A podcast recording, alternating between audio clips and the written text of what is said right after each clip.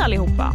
Idag pratar vi om att återställa våtmarker. En fråga som återigen blivit aktuell efter en aktivistgrupps klimataktion mot ett museum i veckan. Men minskar verkligen det klimatutsläppen? En studie visar att så kanske inte är fallet. Vi ska snacka Eurovision, få streamingtips och som vanligt de allra senaste rubrikerna. Du lyssnar på Läget, Expressens dagliga nyhetspodd med mig, Sally Sjöberg.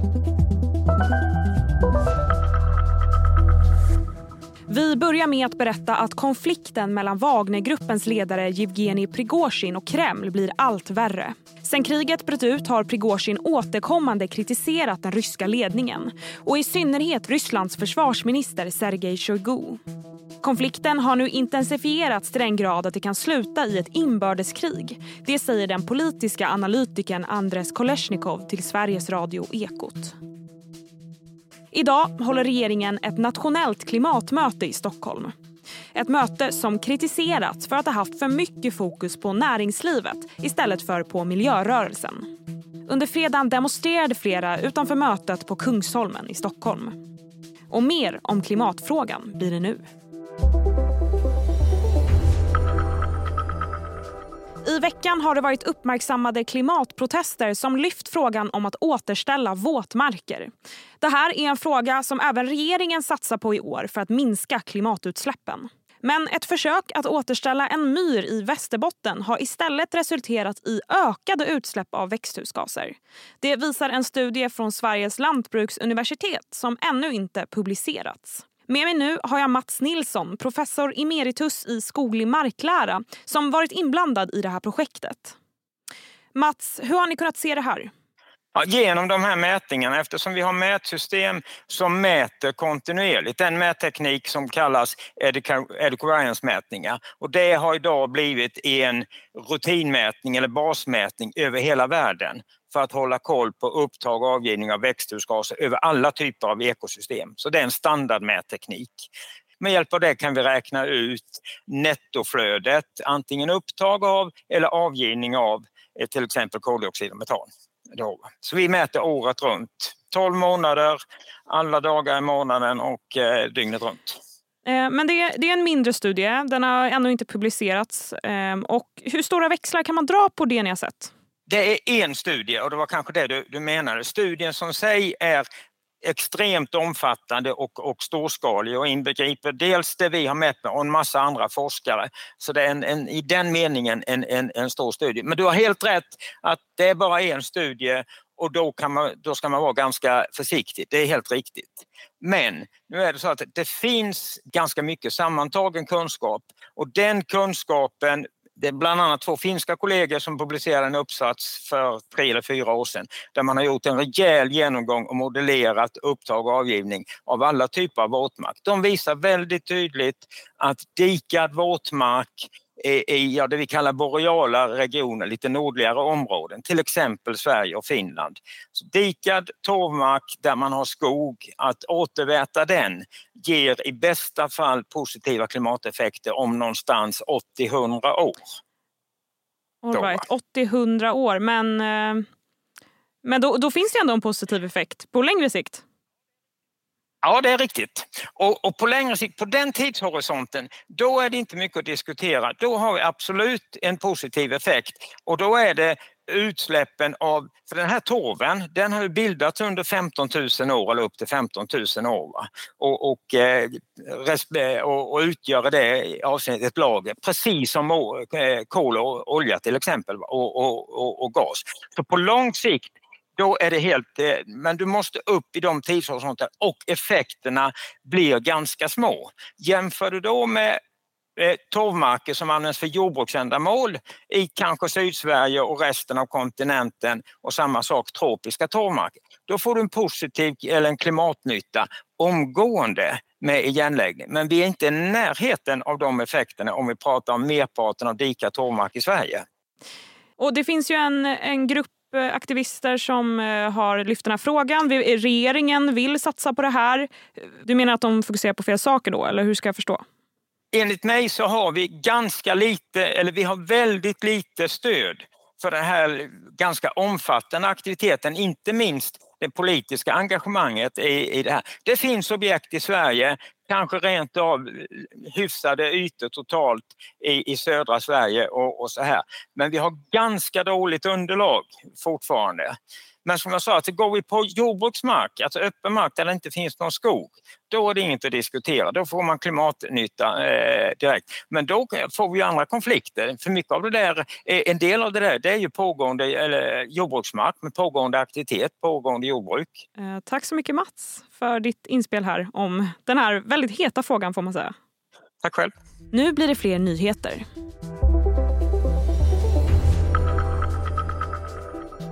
500 personer saknas fortfarande efter båtkatastrofen i Grekland. Bara 104 personer har räddats, alla män. På fartygets undre däck tros kvinnor och barn ha befunnit sig. Men chansen att hitta överlevande i djupet efter båtolyckan bedöms nu som noll. Nu ska vi återigen rikta blickarna mot Sverige.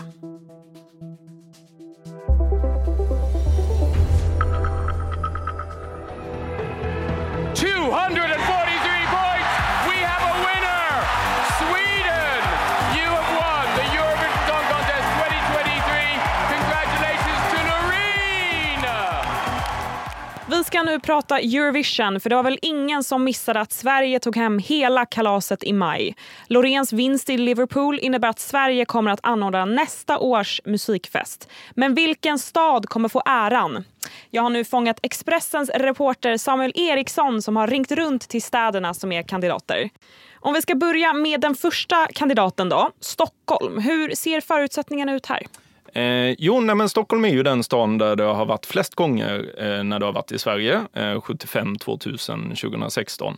Och eh, det som dock är lite speciellt denna gången är ju att Globen ska byggas om nästa år. Eh, vilket gör att det är då någon av fotbollsarenorna som blir aktuell. Och då hamnar ju Eurovision, eftersom de behöver ju arenan en månad innan ungefär, eh, det hamnar ju precis i den eh, allsvenska säsongsinledningen, eller superettan eventuellt för AIKs del. Då. Eh, och eh, ja, lagen här... Hej, Ulf Kristersson här. På många sätt är det en mörk tid vi lever i. Men nu tar vi ett stort steg för att göra Sverige till en tryggare och säkrare plats. Sverige är nu medlem i Nato. En för alla, alla för en. Har du också valt att bli egen?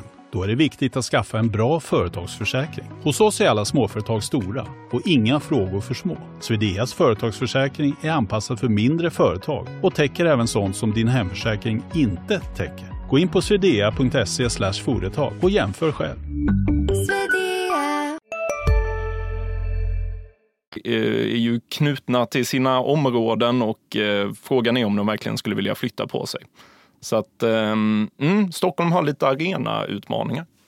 Den andra kandidaten ligger längre söderut, Malmö. Vad talar för att Malmö skulle få det här?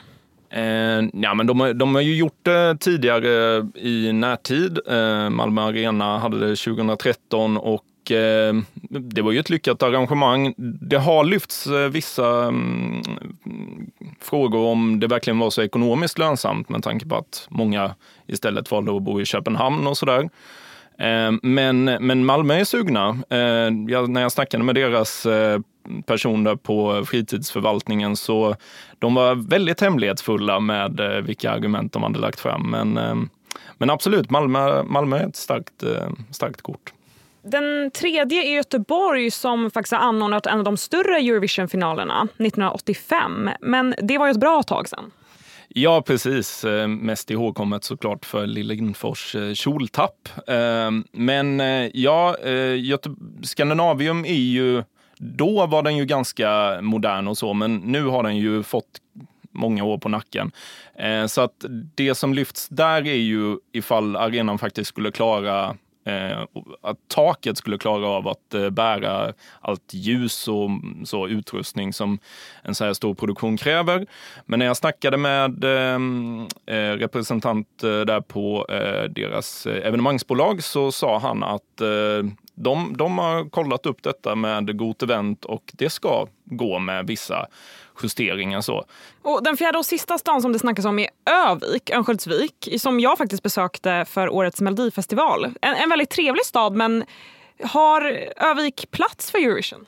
Ja, eh, de är ju supertaggade. Det de lyfter fram i sin ansökan är ju att eh, de har den här låtskrivarskolan Musikmakarna i stan och att, den, eh, att de har den kopplingen till musiken. De kallar sitt bud för hemkomsten till och med.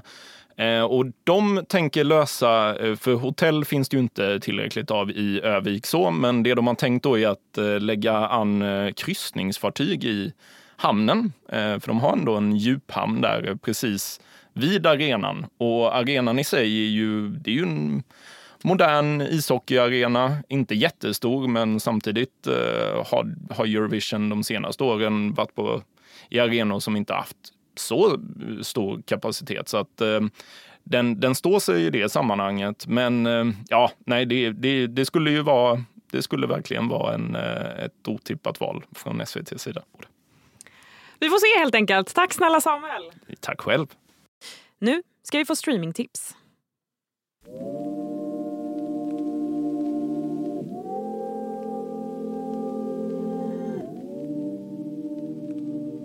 Det är fredag och inför helgen har jag i vanlig ordning börjat snegla på utbudet hos streamingtjänsterna. Men för att kunna sortera i allt har jag nu ringt upp Expressens tv-kritiker Mattias Bergqvist som vet vad som är värt att lägga tid på. Vi ger oss in på dina tips och vi måste mm -hmm. ju bara börja med Our Planet 2 som finns på Netflix och som programleds av den tryggaste rösten som finns. Vi lyssnar. All life on earth depends on the freedom to move.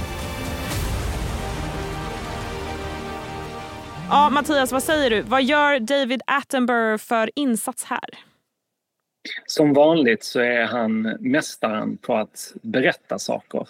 Det är så himla klockrent, ständigt och jämt, det han gör. Och precis som du säger, det är en trygg röst. Här, uh, Our Planet är precis som allting annat som Attenborough gör med BBC exempelvis, uh, så är det suverän TV. Det är berättelser som Alltså det är som fiktion fast det är verkligheten. Man kan liksom inte skriva den här typen av fiktion.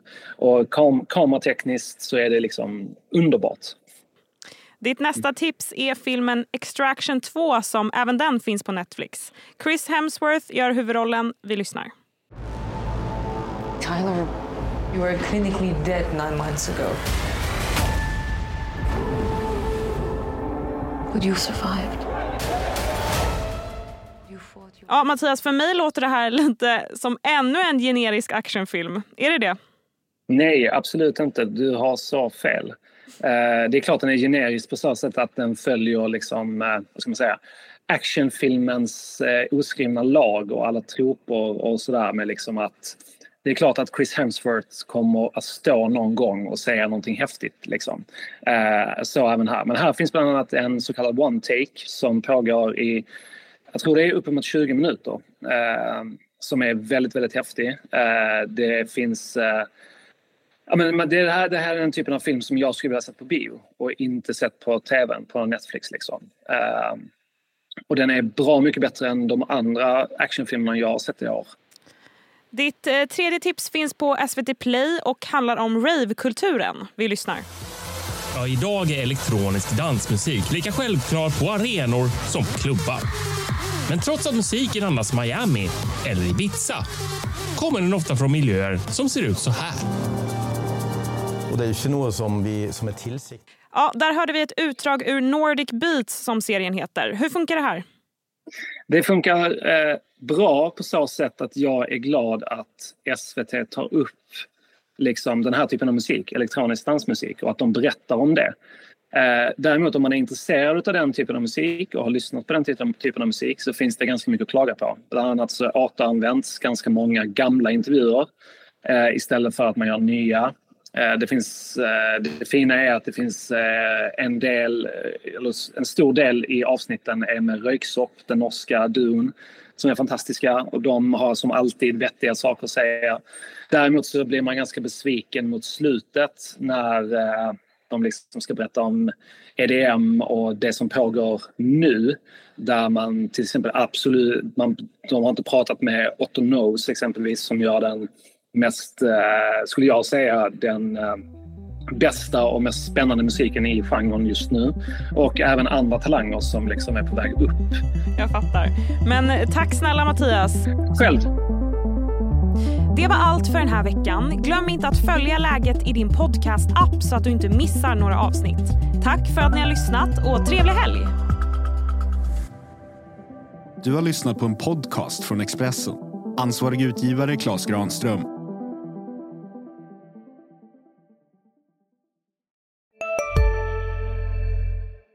Hej, Synoptik här. Hos oss får du hjälp med att ta hand om din ögonhälsa. Med vår synundersökning kan vi upptäcka både synförändringar och tecken på vanliga ögonsjukdomar. Boka tid på synoptik.se.